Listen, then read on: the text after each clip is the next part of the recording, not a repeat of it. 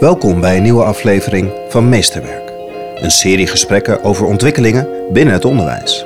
Ik denk dat het een hele goede toevoeging is op de PABO zelf, op het leerkracht worden. En je leert uh, iets door te voeren in een bestaand systeem en uh, beleidsmatige veranderingen hopelijk door te voeren.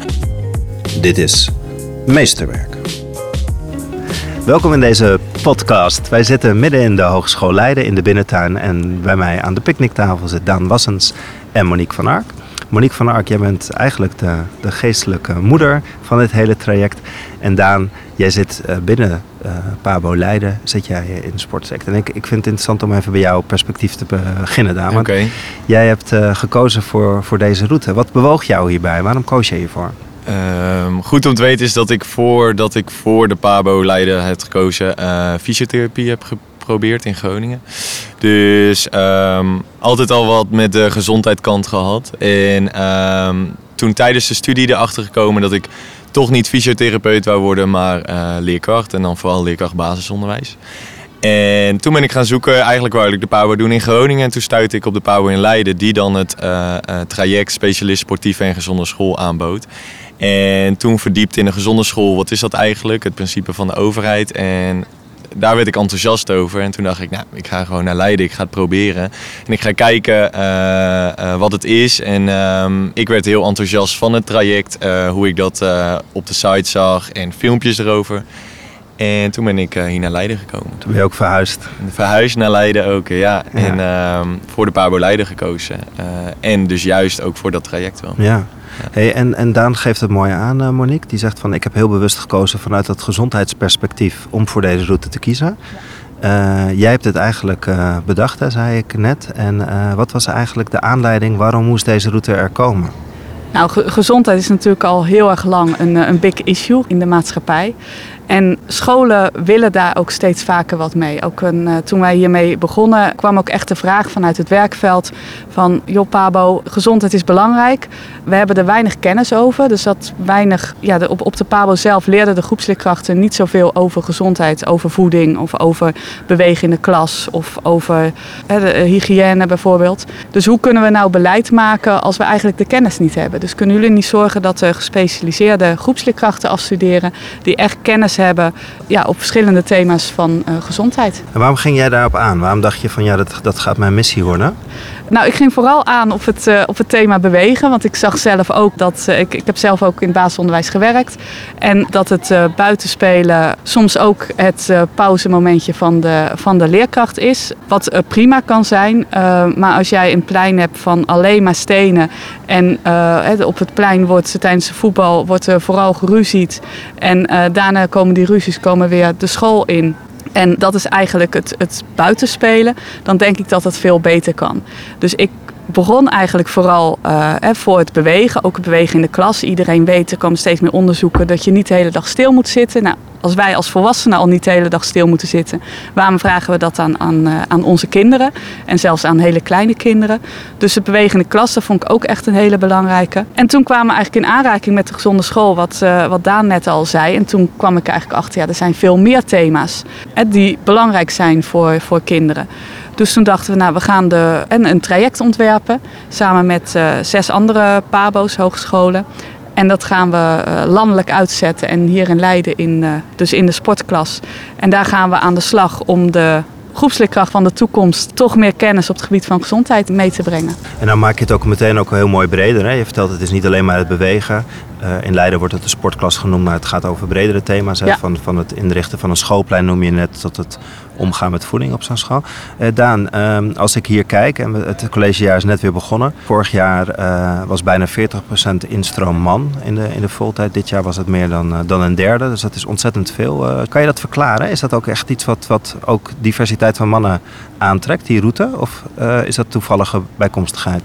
Ja, ik denk dat, dat de PABO aan zich niet een, een mannenopleiding is. En uh, voordat ik de keuze maakte, voordat ik fysiotherapie ging doen, dacht ik ook, nou, ik ga niet de PABO doen, want het is niks voor mannen. Het is niks voor mannen om voor een uh, basisschoolklas te staan. En juist doordat ik op dit stuitte, maakte uh, de keuze voor de PABO wel aantrekkelijker. Dat ik denk, oh, ik ga echt iets leren uh, wat me interesseert naast het lesgeven zelf, laat maar zeggen. Dus ik denk dat dat veel mannen aantrekt.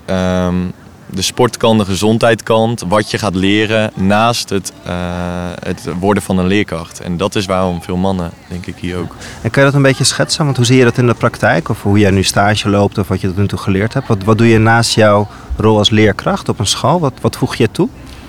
Gekeken vanuit het uh, traject specialist sportief. Ja, nou ja, ik, je, je, bent, je zal straks de, de opleiding afronden mhm. en dan ga je er waarschijnlijk ook iets mee doen. Je loopt nu mhm. ook stage. Wat voor extra's breng jij op zo'n school? Ehm, naast dat je dus gewoon de leerkracht wordt, heb ik vooral de afgelopen drie jaar geleerd ehm, om te kijken naar veranderingen en ook het stukje verandermanagement vooral. Dus hoe, wil ik, hoe bereik ik iets? Ehm, ehm, hoe ga ik iets bereiken in een bestaand uh, systeem, in een bestaand, uh, uh, ja, met verschillende partijen, laat maar zeggen.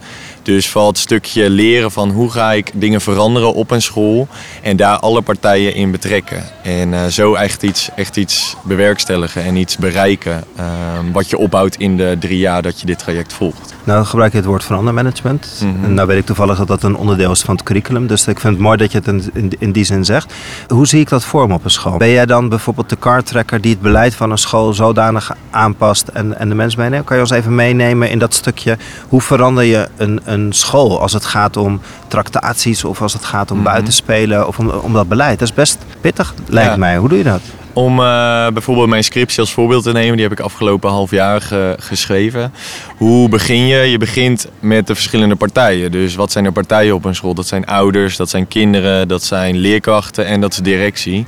Daar ga je mee beginnen en daar kijk je naar wat zijn hun behoeftes. Uh, wat wordt er niet gedaan op de school? Wat staat er in het beleid? Um, en al die info neem je mee om uiteindelijk tot een interventie te komen. Um, wat een school gezonder zou moeten maken. Mijn scriptie ging bijvoorbeeld over het thema relaties en seksualiteit, wat ook onder de gezonde school valt. Um, de school had geen lesmethode daarvoor. Ik heb met verschillende partijen uh, gepraat en uh, zij wouden dat allemaal eigenlijk wel. Vooral de directie uh, vond dat heel belangrijk. Dus met de verschillende partijen gepraat, het uitgelegd en draagvlak ook vooral te creëren van te vertellen wat gaan we doen en wat zouden jullie daarin willen zien. Ehm, dus dat proces uh, zie je heel erg. En uiteindelijk is ervoor gezorgd dat er een lesmethode is aangeschaft op de school. En dat er 3000 euro subsidie is gekregen voor de school om de leerkrachten op te leiden uh, in het geven van relaties en seksualiteit educatie. Dus uh, je bent echt een kartrekker uh, en je betrekt alle partijen betrek je erbij om wel draagvlak te kunnen creëren en te hebben vooral voor de interventie die jij gaat uitvoeren. Mag ik daar wat bij? Ja, eh, graag. ja, want het is leuk dat, uh, dat Daan dit zegt. En ook op jouw vraag terugkomt over de jongens. Ik denk dat ook de opdrachten die de uh, studenten of de cursisten, want het is ook een post-HBO, moeten doen, die zijn heel erg praktisch. En ik denk ook dat jongens dat heel erg aanspreken. Je doet echt iets voor de school. Dus je doet niet iets voor een studiepuntje of omdat je docent dat zegt. Nee, zoals Daan zegt, je gaat echt kijken wat heeft die school nodig. Hoe kan ik, als ik straks wegga, ik ga straks naar een, het volgende jaar of ik studeer straks af, ik ga ergens werken. Hoe kan ik zorgen dat er dan toch wat achterblijft uh, van mij?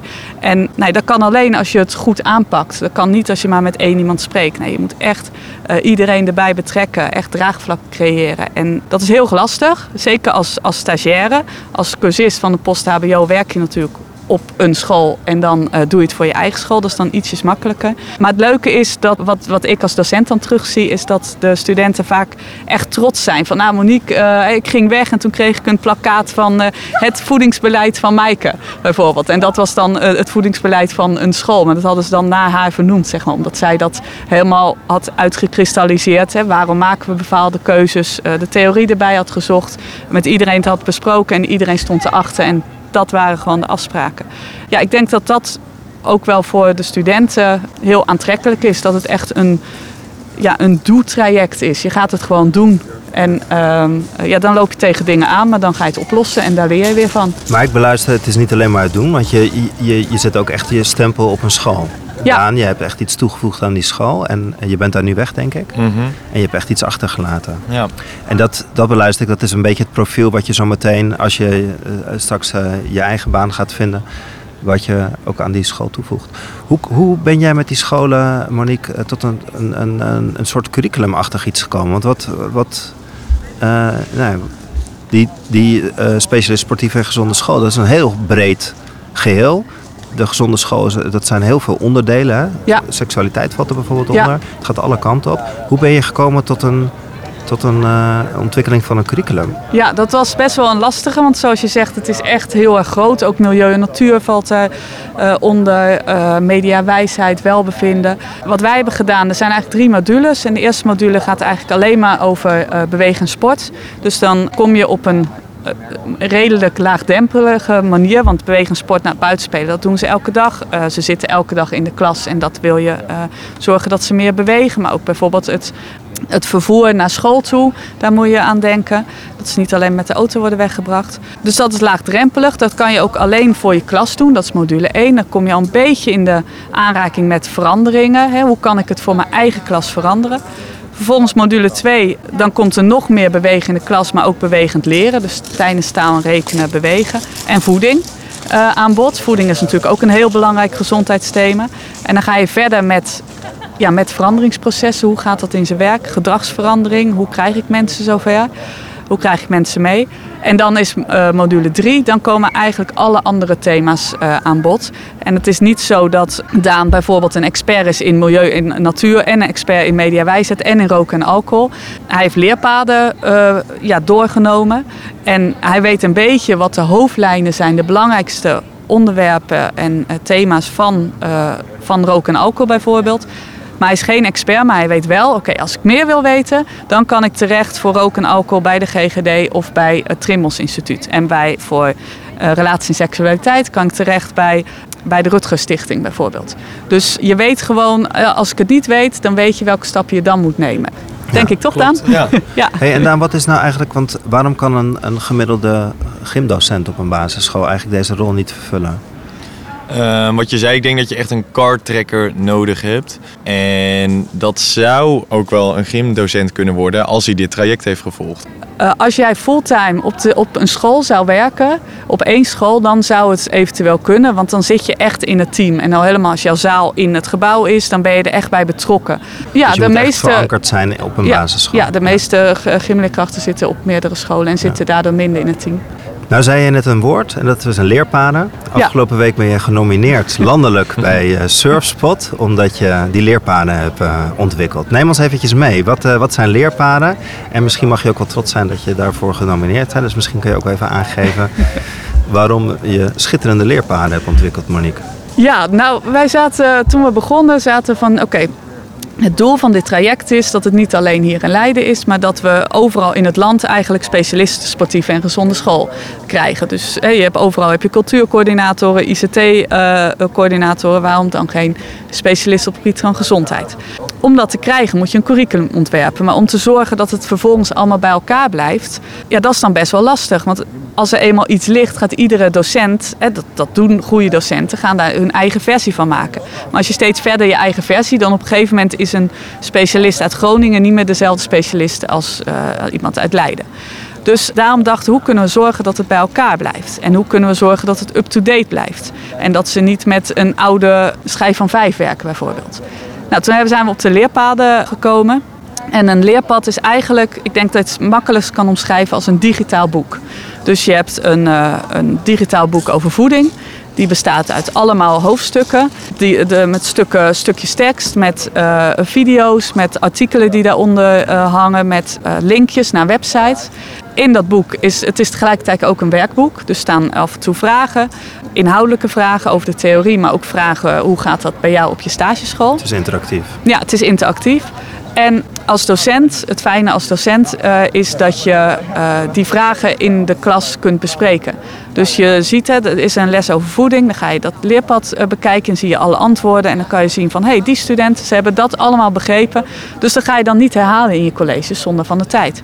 Je kan ook zien van, oh wacht, daar moet, moeten we wat meer aandacht aan besteden. Of daar kunnen we wat dieper op ingaan. Of eh, soms gaat het over stages. Van, oh dat is interessant wat er op die stage eh, gebeurt. Laten we dat eventjes eh, bespreken. Normaal heb je geen tijd om van je 30 studenten eh, dat allemaal te gaan bespreken. Maar nu kan je heel overzichtelijk zien waar Ja. iedereen staat, waar ze tegenaan lopen. En je kan eigenlijk de aandacht geven aan.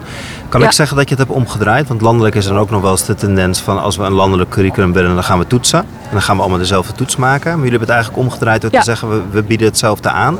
En we gaan er op elke pabo op een passende manier mee om. Daan, jij hebt het gevolgd drie jaar lang. Mhm. Kan jij vertellen hoe jij dit ervaren hebt? Is het, eh, want, eh, vertelt Monique een, een mooi verhaal of heb je het ook Ja, zo ik- ervaren? Eh, ja, ik herken wel vooral de, de opbouw die je in de verschillende modules hebt. Dus module 1 de klas, module 2 ja, bouwbreed en module 3 dat je echt schoolbreed gaat kijken. Dus je, je bouwt echt, het traject is echt opgebouwd tot het uiteindelijke doel echt iets schoolbreed te veranderen.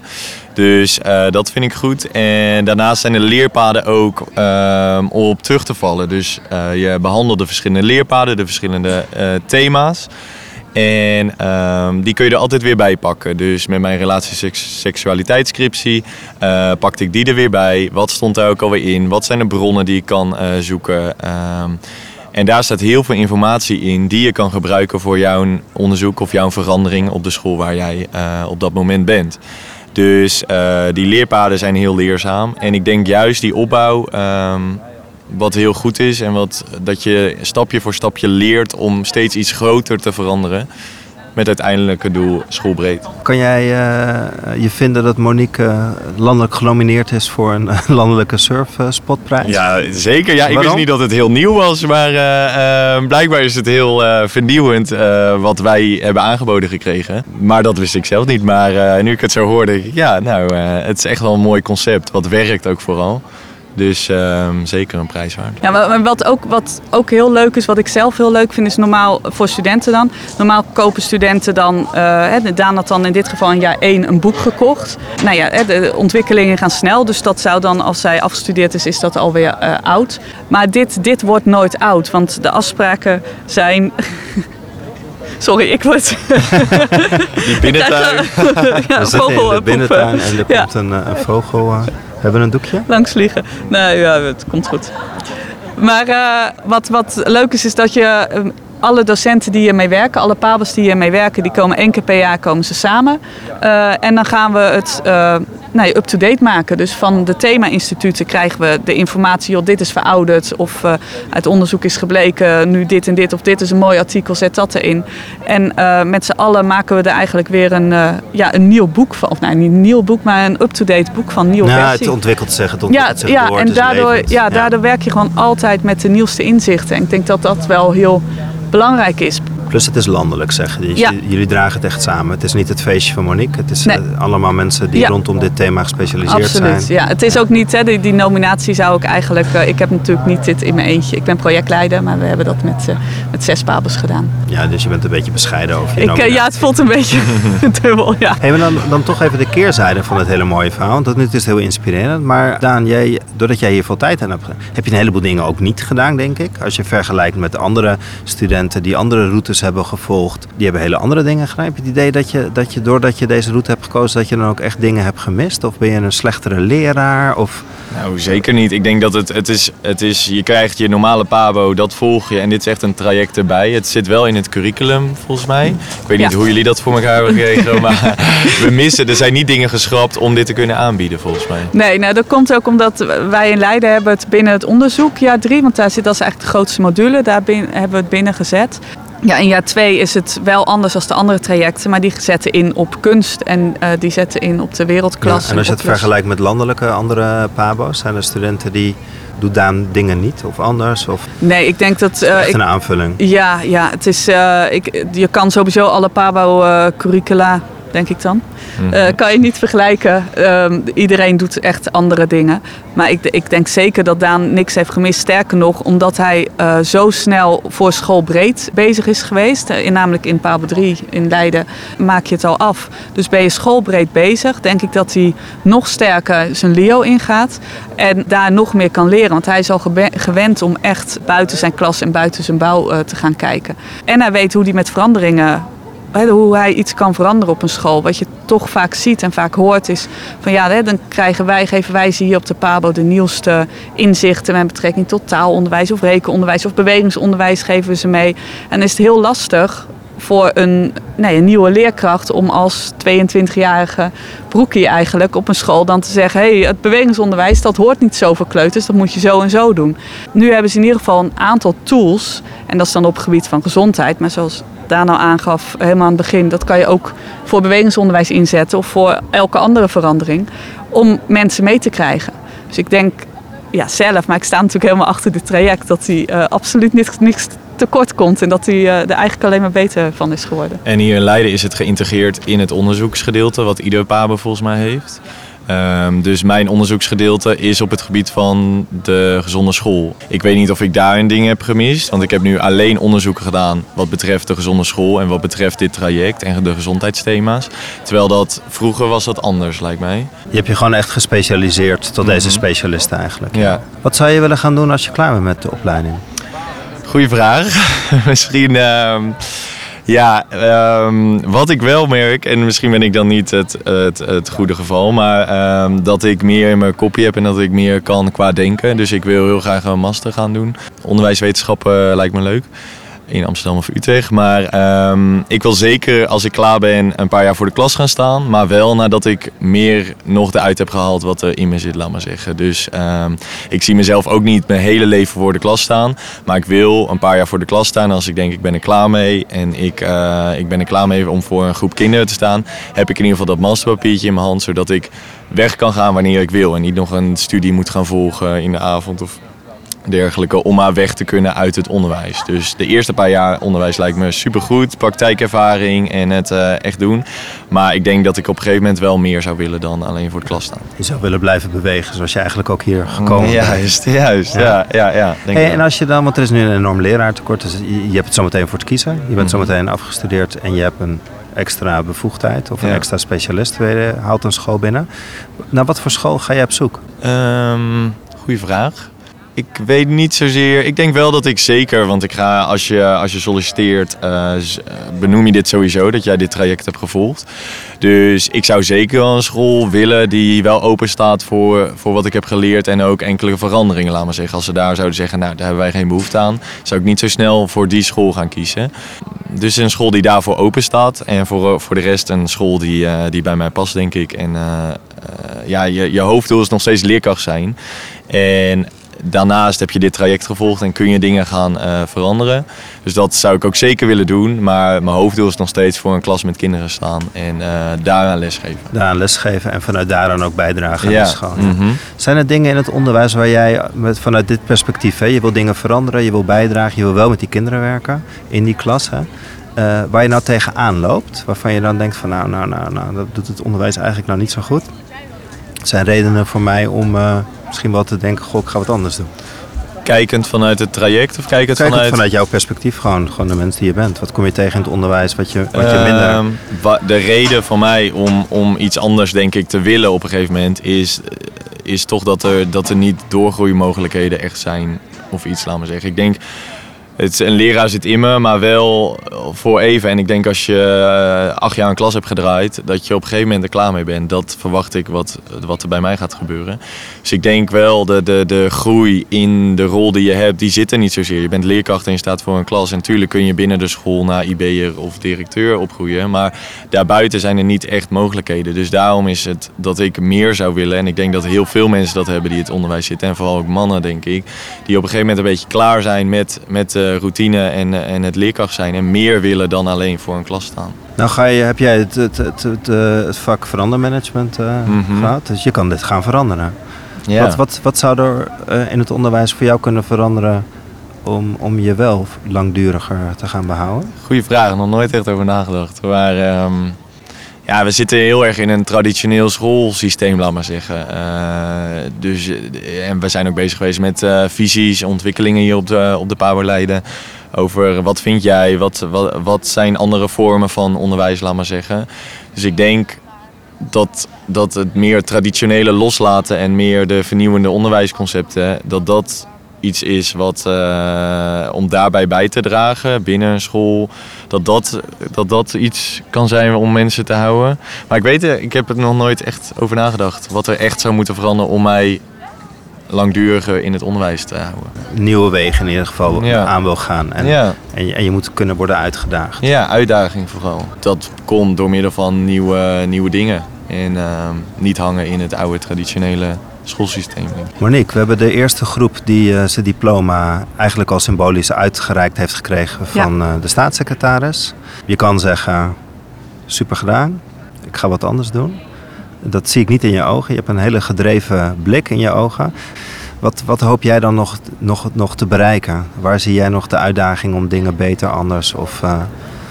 Nou, ik denk, uh, ik denk dat dit traject ook nooit klaar is. Want uh, een, een, beleid staat nooit vast of afspraken staan nooit vast. mensen gaan weer weg. Dus ik denk dat scholen ook nooit klaar zijn. Dus ik denk dat de specialist altijd, altijd nodig blijft. Dus dat wij ook altijd specialisten op moeten blijven leiden. Specialist sportief en gezonde school. Dus dan, dan ligt de uitdaging om, uh, ja, om dat hier zo voor elkaar te blijven houden. Dat samen het met loopt het samen met het werkveld, samen met collega's hier. wij, wij doen het dan in de sportklas, dat de sportklas ja, goed overeind blijft staan. Dat je daar de juiste collega's voor hebt. Het is denk ik voor de sportklasses, voor de studenten ook leuk. We trekken veel mannen, veel jongens, dat daar ook mannelijke docenten bij, bij zitten. Dus ja, en ik, uh, ik heb nu heel lang heb ik, uh, het, dat landelijke project dus uh, geleid. En dat deed twee dagen in de week. En daar gaan we nu de puntjes van op de i zetten. Maar ik vind het ook wel heel leuk om straks gewoon weer meer tijd met studenten te, aan de studenten te besteden. Want dat heb ik wel gemist, het, zelf het lesgeven, zeg maar. Is die samenwerking met, met die scholen eigenlijk makkelijk? Want je begon dat de vraag ook echt van die scholen kwam. Hè? Van, we, we, we, zitten eigenlijk een beetje met ons handen in het haar.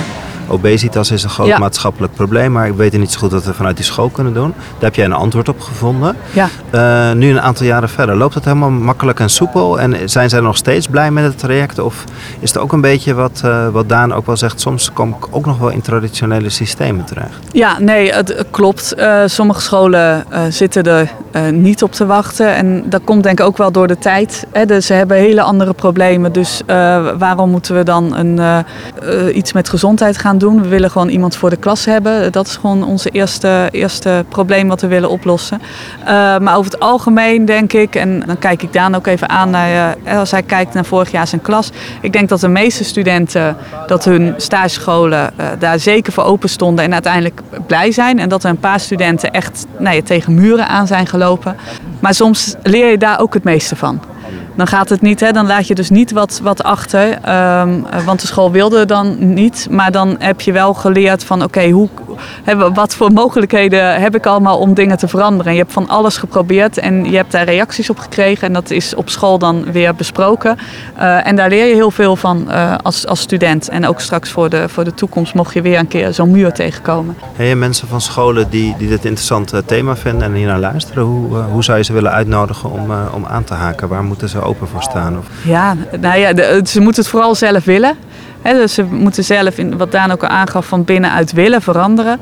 Ja, dan kunnen ze denk ik het beste op twee manieren dan doen. En dat is, uh, ik zou zeggen, een, een, vraag een student dan vanuit Leiden, uh, doen we het dus in een sportklas, dus een sportklasstudent aan.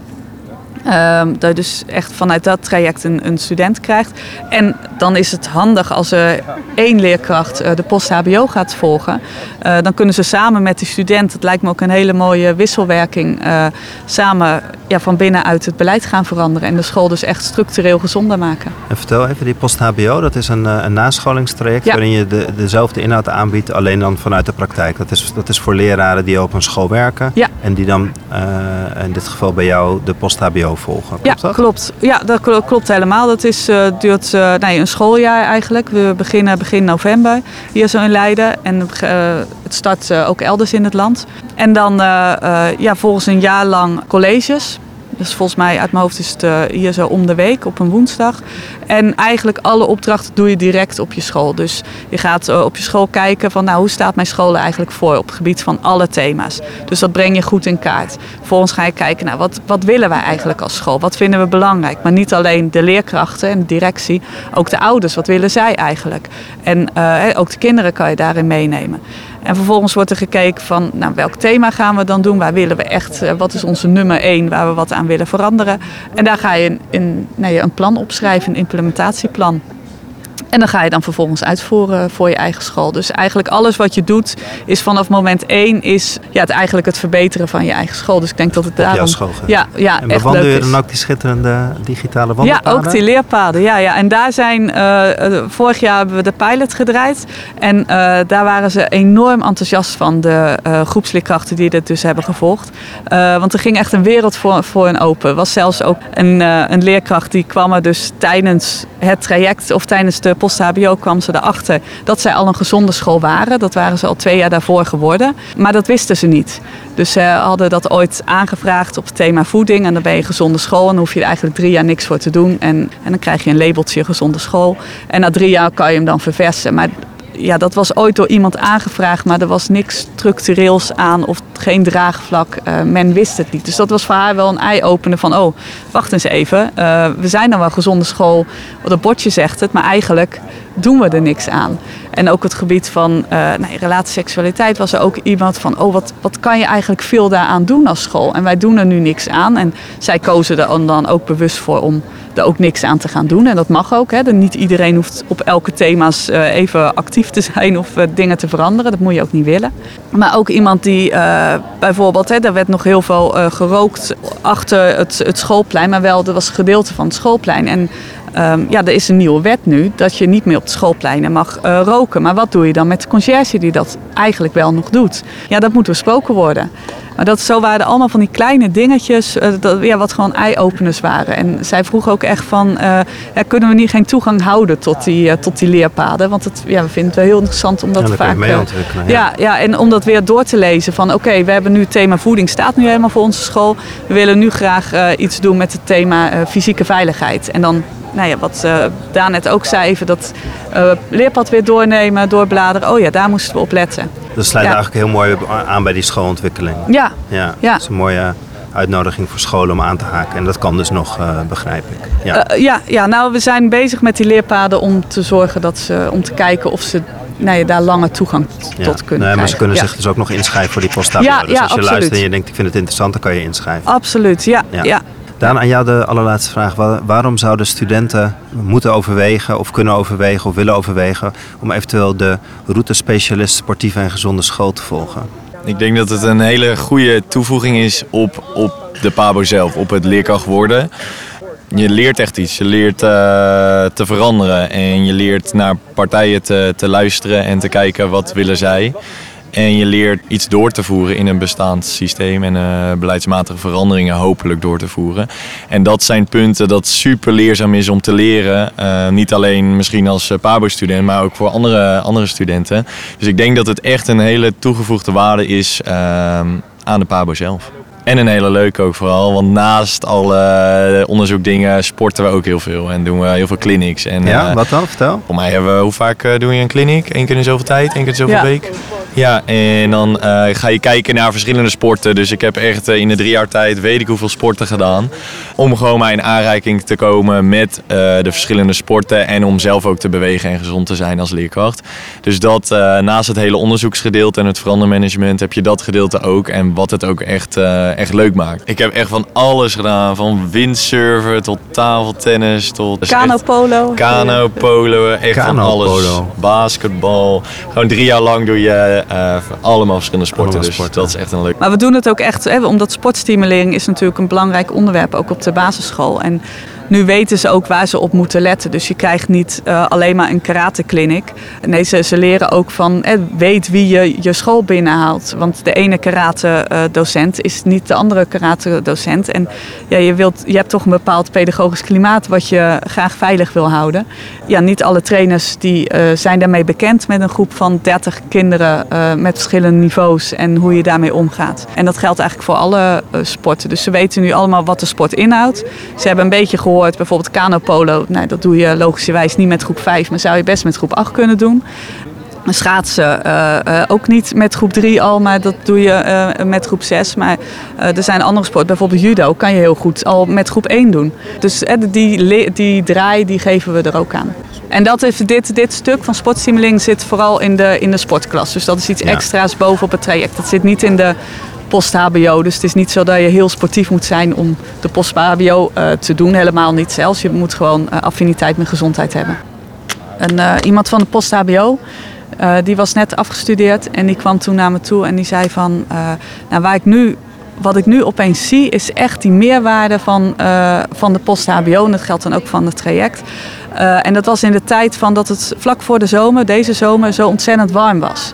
En toen waren er allemaal van moeten we wel of niet een hitterooster en uh, waarom en uh, wanneer. En ik kreeg zelf ook mailtjes in, in, de, in het weekend op zondagavond van de directeur van wij doen niks met een hitterooster, maar zorg wel voor extra water en zorg voor dat je kinderen insmeert. En eigenlijk scholen stonden opeens even helemaal op zijn kop. Um, oh jee, het wordt warm en wat gaan we nu eigenlijk doen?